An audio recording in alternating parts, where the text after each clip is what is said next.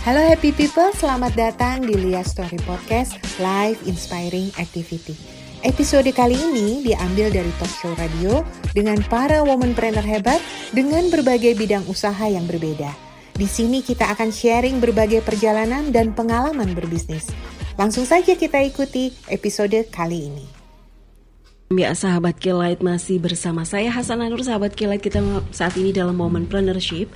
Nah, sahabat Kelight kita nantikan siapakah narasumber kita di pagi hari ini, sahabat Kelight. Dan kali ini saya akan membicarakan mengenai rendang nih, sahabat Kelight, yang merupakan makanan khas Sumatera Barat yang dinobatkan sebagai makanan paling enak di dunia. Wah, luar biasa nih ya.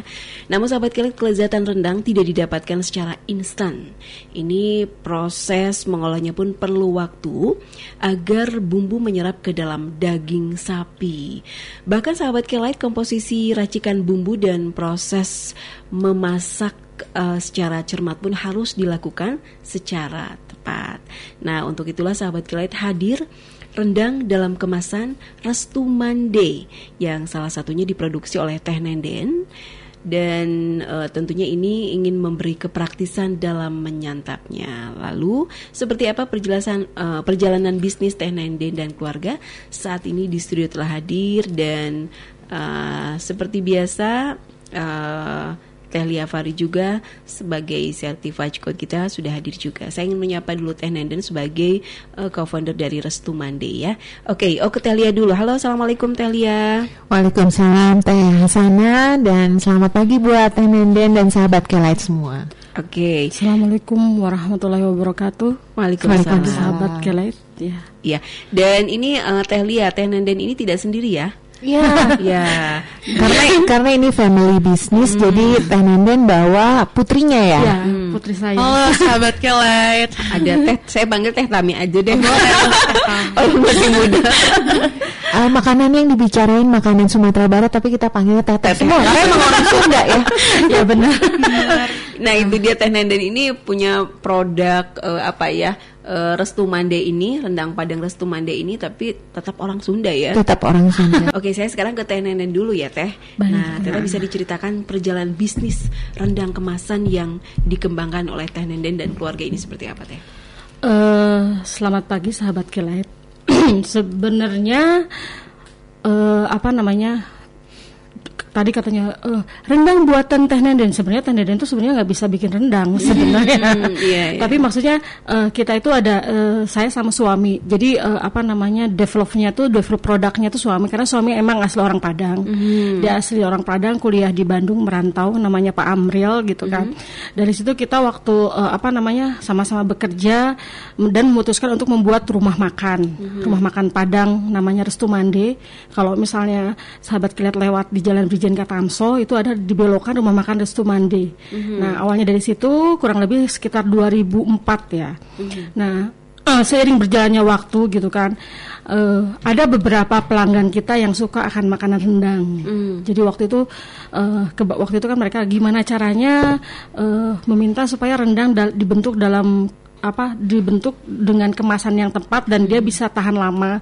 Waktu itu kan orang banyak yang mau pergi haji ya, mm-hmm. bisa nggak gitu karena akhirnya uh, kita memutuskan uh, saya dan suami memutuskan untuk kita coba gitu kan, coba beberapa beberapa kali trial dan akhirnya kurang lebih 2011 uh, terciptalah produk rendang kami hanya hmm. waktu itu bentuknya hanya satu item ya rendang rendang sapi rendang hmm. sapi dengan satu varian uh, dia mempunyai umur simpan dianalisa oleh laboratorium teknologi pangan di, di suatu lembaga mem, mem, mempunyai umur simpan uh, 459 hari hmm. tanpa memakai kimia, tanpa memakai apa namanya MSG hmm. dan dia juga apa namanya dikemas dengan vakum dan sistem sterilisasi. Nah, jadi dari situ berkembang berkembang berkembang jadi sekitar ada waktu itu kurang lebih ada sekitar 12 13 jenis rendang yang kita buat. Ada rendang ayam ada tuna ada ik udang kemudian ada apa namanya ikan ada seri-seri jengkol ada hmm. seri jamur jadi seri makanan gitu. Tapi ada beberapa juga yang kita kurangin karena memang di pasaran tidak tidak sesuai gitu kan. Kemudian sekarang ini juga uh, kita keluarkan juga versi sambal-sambal, sambal lado merah, sambal lado hijau ada trilado hijau merah, ada dendeng balado, ada paru lado, ada dan lain sebagainya. Jadi uh, untuk saat ini ada kurang lebih sekitar 20 produk. Jadi hmm. yang tadi uh, dibilang bahwa uh, Restu Mande adalah uh, identik dengan rendang. Jadi kita identik ke masakan Padang dalam kemasan vakum gitu, hmm. yang bisa dibawa ke mana pun karena kemasannya aman dan tahan lama. Hmm.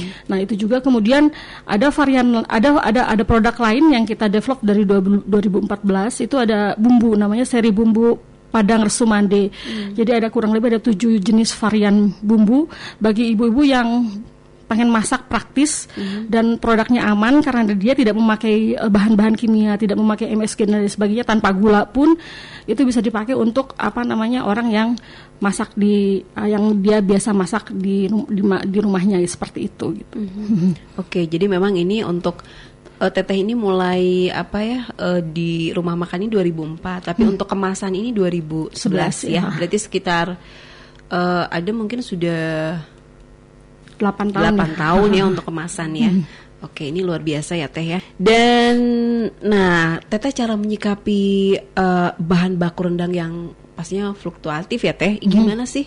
Apa misalnya kalau memang sedang tinggi harganya dinaikin juga atau gimana? Atau memang ini sudah sudah Teteh perkirakan nih? Uh, jadi kita gini ya, karena kita kan dari dari awalnya backgroundnya rumah makan Padang. Jadi kita udah kalau misalnya naik tuh nggak nggak Nah itu paling ini juga dua tahun sekali hmm. gitu kan ya. Jadi saya waktu terakhir saya naikin harga saya naikin harga tuh Maret 2017 gitu kan. Jadi dari awal memang kita udah develop produknya jangan sampai naik naik terlalu uh, apa tinggi banget gitu kan. hmm. kan. Nah biasanya uh, kita ada spare waktu kalau misalnya naik bahan baku kayak contohnya cabai nih cabai itu hmm. dari bulan awal dari puas dari apa bukan puasa udah naik tapi naik-naiknya banget abis lebaran gitu kan ini sampai sekarang kan naik udah tinggi banget udah hampir tiga bulan biasanya kalau naiknya cuma sebulan kita masih oke okay lah gitu tapi hmm. sekarang naiknya kelamaan nih gitu kan hmm. kita naikin harga tapi ya naikin harga harga itu aja lagi nggak nggak akan diturunin. Karena kita kan banyak reseller ya banyak yeah. reseller banyak berhubungan dengan retail. Jadi kalau misalnya kita mau naik harga terus-terusan kayak ini perusahaan kayak gimana? Jadi kita memang sedemikian rupa nentuin harga harganya yang harga yang cocok dengan kita. Contoh kalau misalnya harga cabai merah kita di HPP-nya kita empat puluh ribu kalau di atas empat puluh ribu nih kayaknya udah terlalu ngap gitu kan istilahnya kan. Mm -hmm. jadi ya kita kita kondisiin kita naikin tapi nggak nggak banyak juga sih paling mahal juga lima ribu per kemasan gitu mm-hmm. seperti itu. Mm-hmm. Hmm. Oke. Okay. Oke, saya sekarang ke Teh Lia nih Teh. Kan kita sudah mendengarkan tadi ya Teh ya, bisnis dari Teh Nandan ini. Nah, bagaimana menurut Teh Lia terkait bisnis dan juga uh, perbedaan uh, produk kemasan dari Teh Nandan ini? Ada beberapa produk nih Teh.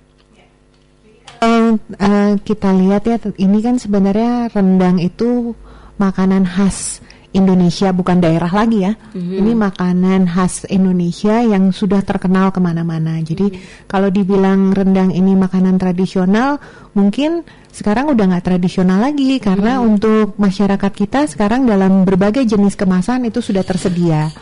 Yang tadinya harus diolah dua hari, tiga hari, katanya zaman dulu tuh ya. Sekarang sih ini tadi barusan tenenden tinggal buka, saya langsung makan tanpa diangetin, tanpa apa. Jadi ini udah sangat luar biasa. Nah, kemudian sekarang kalau bicara bisnis makanan rendang yang sangat terkenal, otomatis kalau makanan sudah sangat terkenal, kompetitornya juga pasti sangat banyak. Jadi tampak menarik, tapi saya yakin banget Teh Nenden juga berjuang ini dengan banyak kompetitor-kompetitor makanan serupa ya Teh. Pasti mulai dari makanan restonya sampai dengan kemasan.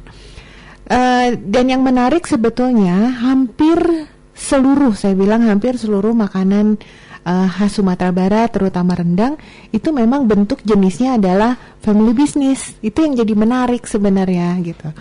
Uh, ada apa sebenarnya di sini gitu? Karena memang ini makanan yang diturunkan turun temurun yang tadi disebutkan juga dari suaminya Teh Nenden. Dan saya yakin bukan dari suaminya tapi suaminya diturunkan juga oleh orang tua dan nenek kakeknya gitu ya.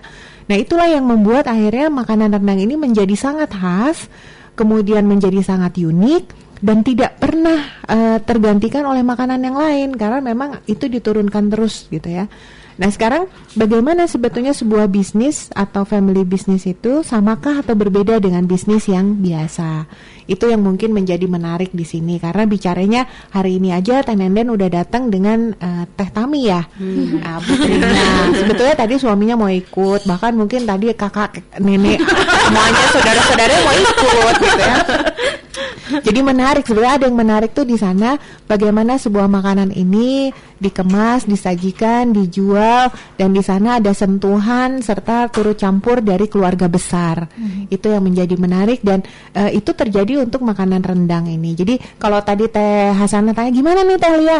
Rendang tuh nggak akan ada matinya itu sih hmm. gampangnya hmm. karena ini merupakan makanan yang diturunkan turun temurun dan dijalankan juga oleh keluarga yang turun temurun hmm. terus kemudian rendang juga menjadi salah satu makanan kekuatan yang ada di Indonesia bukan hanya bicara Sumatera Barat tetapi hmm. sekarang orang Sunda pun udah ngaku bahwa hmm. makanan rendang tuh makanan khasnya punyanya dia hmm. gitu ya jadi itu jadi peluangnya sangat uh, tinggi tetapi di sebuah peluang yang sangat tinggi di situ pasti akan sangat banyak juga juga kita bicara orang-orang yang punya pemikiran yang sama dengan kita apalagi boleh dikatakan bahwa rendang ini makanan paling enak di dunia. Iya, kan? makanya pasti kan orang bilang oh iya rendang makanan khasnya kita, padahal saya orang Sunda gitu. Jadi, karena saya udah merasa itu bukan a part of Sumatera Barat lagi, tapi rendang itu punyanya Indonesia dan saya tinggal di Indonesia gitu ya. Jadi kalau disebut nomor satu, ya saya juga bagian dari situ. Dan saya juga memang benar sih Tenenden, saya orang Sunda, tapi saya suka banget sama rendang. Hmm. Uh, ya jadi uh, saya tambahkan lagi, jadi waktu pas uh, 2011 itu uh, saya hafal banget 7 September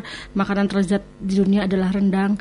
Dan akhirnya si uh, apa namanya tetangga sebelah mengklaim waktu itu kan ribut-ributan. Jadi kita ada visi nih. Li, saya, uh, visinya Resnumade adalah namanya rendang Padang True the World. Jadi dengan apa namanya visi ini kita mau uh, apanya mem, me, apa menyebar menyebarluaskan memang kita memang waktu zaman dulu uh, ma, apa namanya rendang rendang vakum ya. Yang pertama yang punya umur simpan yang panjang gitu. Hmm. jadi kita akhirnya kita dengan misi itu akhirnya banyak orang yang tertarik terutama orang-orang Indonesia yang tinggal di luar negeri untuk apa mem membantu mempromosikan tersebut gitu kan. Jadi ada beberapa saya reseller saya di Amerika di Prancis di Korea di Jepang hmm. ada di Arab Saudi dia membantu mempromosikan uh, apa produk kami gitu kan. Jadi emang intinya adalah produk Indonesia sih sebenarnya. Karena kan sekarang ini siapa sih yang konsen untuk memperkenalkan produk Indonesia ke tingkat uh, dunia gitu kan. Hmm. Salah satunya adalah buat uh, teman-teman reseller saya itu membantu seperti itu. Hmm. Uh. Oke. Okay. Uh, mungkin gini kalau misalkan dari saya sih ada uh, apa namanya kebanggaan tersendiri gitu ketika hmm. ada orang-orang yang tinggal di luar terus kemudian uh, mereka bilang kalau misalkan rendang uh, Resmond ini mengobati rasa rasa kangen mereka terhadap masakan-masakan Padang yang mana nggak bisa mereka nikmati ketika mereka tinggal di luar negeri gitu. Hmm, yeah. kan ada kebanggaan tersendiri di kita. Oh seneng ya bisa membantu orang gitu, hmm. mengobati rasa cintanya kepada uh, masakan tanah air. Betul. Gitu. Dan terkadang begini juga sih yang pergi ke luar negeri itu sebetulnya bukan hanya dia membeli untuk dirinya, tetapi dia membeli itu sebagai oleh-oleh, hmm. gitu ya. Benar-benar. Dan lucunya oleh-oleh itu bukan hanya untuk teman yang tinggal orang Indonesia yang tinggal di luar tapi benar-benar dikasih untuk orang asing gitu. hmm. dan orang asing ternyata suka lagi. hmm. jadi memang uh, ini udah worldwide ya jadi makanan yang sudah mendunia gitu. Terus kemudian bisa dinikmati oleh siapa saja kapan saja dengan bentuk kemasan yang dimudahkan gitu ya. Nggak harus tadi kan uh, harus dibawanya di dalam besek gitu ya kalau orang kan gitu. Jadi wah ini mah udah bisa dibawa ke mana-mana masa uh, masa pakainya juga sangat panjang dan ini tetap uh, tidak menghilangkan budaya setempatnya tetap terasa. Oke, nah Teh, kalau menyikapi harga jual rendang seiring dengan fluktuatifnya bahan baku gimana nih Teh? Ya, seperti yang disampaikan sama Teh Nenden, sebetulnya kalau pebisnis itu memang sudah menjalankan bisnis yang lumayan panjang, harga yang fluktuatif itu memang nggak mendadak kecuali hmm. kalau terjadi krisis ekonomi atau terjadi sesuatu itu biasanya akan berdampak besok lusa. Hmm. Tetapi kalau teman-teman pebisnis yang memang sudah menjalankan dan punya kapasitas yang besar yang kayak sekarang Tenenden lakukan uh, ini pasti sudah ada di dalam HPP-nya. Hmm. Jadi hmm. mau sekarang kondisinya tiga bulan sebenarnya aman-aman tentram aja sih hmm. Teh Nenden karena memang itu sudah di, dimasukkan ya Teh di dalam harga itu bagaimana jika nanti terjadi kenaikan harga. Jadi oh. ini buat rekan-rekan juga yang mau pertama kali berbisnis dan ini terkait dengan banyak sekali bumbu. Tadi Teteh juga yeah. bilang ya bumbunya ada 20 sekian. Uh -huh. hmm. Wah, itu 20 kalau ada dua empat lima yang naik aja itu udah lumayan. Mhm. Jadi memang sebetulnya di dalam kita berlatih, kita mencoba, kita menghasilkan sebuah produk itu pengukuran-pengukuran tuh memang harus akurat. Nah rata-rata yang namanya uh, produk tradisional ini tesnya itu eh, karena eh, tergantung tangannya siapa yang ngerjain gitu. Jadi kadang-kadang akurasinya kurang gitu ya. Tetapi tadi ngobrol sama Teh Nenen, Teh Nenen di sini udah ada SOP ya. Nah, SOP itu menjadi penting karena siapa pun nanti yang bercampur tangan di sana dan orangnya berganti itu pasti rasa eh, kuantitas segala macam itu tidak akan berubah. Nah, kalau kuantitas dan lain-lain nggak berubah berarti bisa diukur. Sesuatu yang bisa diukur bisa diprediksikan. Sesuatu yang diprediksikan kita bisa ngitung nanti berapa persentase untuk setiap produk yang akan kita eh, buat. Jadi memang perhitungan dasar itu menjadi penting dan perhitungan dasar yang menjadi penting tadi itu menjadi basic bagaimana kita melakukan tadi berapa persentase untuk setiap penjualan. Jadi jangan sampai teman-teman tuh kalau ngejual tuh bener-bener harga pokoknya yang dijual gitu. Tapi di situ tuh ada harga eh, marketing gitu ya. Terus harga pengiriman, jangan lupa. Terus kemudian ada harga yang tidak terlihat, yang lain-lain adalah jasa. Terus kemudian uh, bagaimana nanti si koki dan lain-lain bekerja itu semua ada- ongkosnya di sana dan itu tidak terlihat oleh kita dan nggak keukur. Jadi rata-rata kesalahan itu karena memang hanya mengukur uh, harga pokok bahan baku aja gitu. Jadi ketika ada harga naik ya udah kita akan kelimpungan. Padahal ketika harga naik dan lain-lain, di situ sudah kita masukin kan marketingnya segala macam. Jadi uh, aman, range-nya aman di situ. Ah, ya, saya boleh tambahkan. Iya, silakan. Eh, terkait dengan harga bahan baku tadi ya. Jadi eh, saya kita kan misalnya harga yang tadi fluktuatif itu kita udah kerjasama dengan ada petani cabai yang eh, dia selalu supply ke kita. Jadi eh, kerjasamanya maksimal kita di harga berapa ya, minimal kita di harga berapa. Jadi kerjasama ini yang akan menguntungkan. Karena pas lagi tinggi harganya naik dia tidak menaikkan, tapi pas kita di harganya turun dia juga harganya masih normal normal saja dan kita bisa masuk. Itu yang pertama. Yang kedua juga kita kerjasama dengan petani-petani bukan petani sih sebenarnya eh, rumah-rumah di sekitar eh, tempat produksi yang dia menanam serai, menanam kunyit, menanam jahe laja dan apa gitu supaya supaya kita tampung dan menambah penghasilan bagi penduduk sekitar tersebut dan tanahnya bisa di apa namanya di, di diaktifkan untuk apa namanya eh, penanaman eh, bumbu-bumbu itu gitu kan. Jadi jadi harga memang eh, bisa kita reduce juga di situ gitu. Seperti itu. Ya, jadi Teh Hasanah kalau kita udah bisnisnya kayak Teh Nenen kan bisnisnya udah ekspor ya. Kalau bicara udah ekspor, terus kemudian punya resto dan lain-lain, pasti kuantitasnya nggak sedikit. Nah, ketika kuantitas tidak sedikit, otomatis kita harus eh, cerdas gimana caranya dapat bahan baku langsung dari tangan pertama. Bahkan mungkin bukan tangan per- pertama saja, tapi kita membangun eh, si tangan pertama tadi gitu. Kita berperan serta gimana caranya menghidupkan masyarakat sekitar untuk bisa menjadi eh, penghasil dari bahan baku produknya kita. Nah, itu yang dilakukan oleh Tenenden. Karena dengan begitu tadi bicaranya kuantitas, bukan Ya. bicara harga satuan atau kiloan gitu. Tapi kalau kuantitasnya sekian, eh, berapa karung segala macam, ya di situ sudah tercakup. Jadi eh, dampak harganya tidak akan terasakan oleh eh, produsen kayak Teh Nenden. Mhm. Oke, oke Teh ini waktunya juga sudah habis ya Teh ya. Dan terakhir nih tips berbisnis dari Teh Lia untuk kami ini silakan Teh. Ya, jadi bisnis apa pun, mau bisnis kecil, mau bisnis menengah, mau bisnis besar gitu ya, keberhasilan sebuah bisnis itu di belakangnya pasti ada sebuah keluarga. Baik keluarga langsung ataupun keluarga yang memang kita bangun dari sebuah bisnis. Jadi eh, memang kekuatan dari bisnis keluarga atau family business adalah kita akan membangun sama-sama sebuah bisnis dari kecil dengan rasa kekeluargaan dan yang paling penting tetap harus mengedepankan profesionalitas. Mhm. Teh Lia terima kasih sukses ya Sama-sama. untuk karirnya Teh ya. Amin, amin, amin. Dan juga untuk eh, Teh Nenden dan Sama-sama. Teh Tami, Iya. mudah-mudahan makin banyak konsumennya. Amin, ya Selalu memberikan yang terbaik untuk para konsumennya ya. Oke, sahabat kilat kita akhiri perbincangan kita dalam momen entrepreneurship.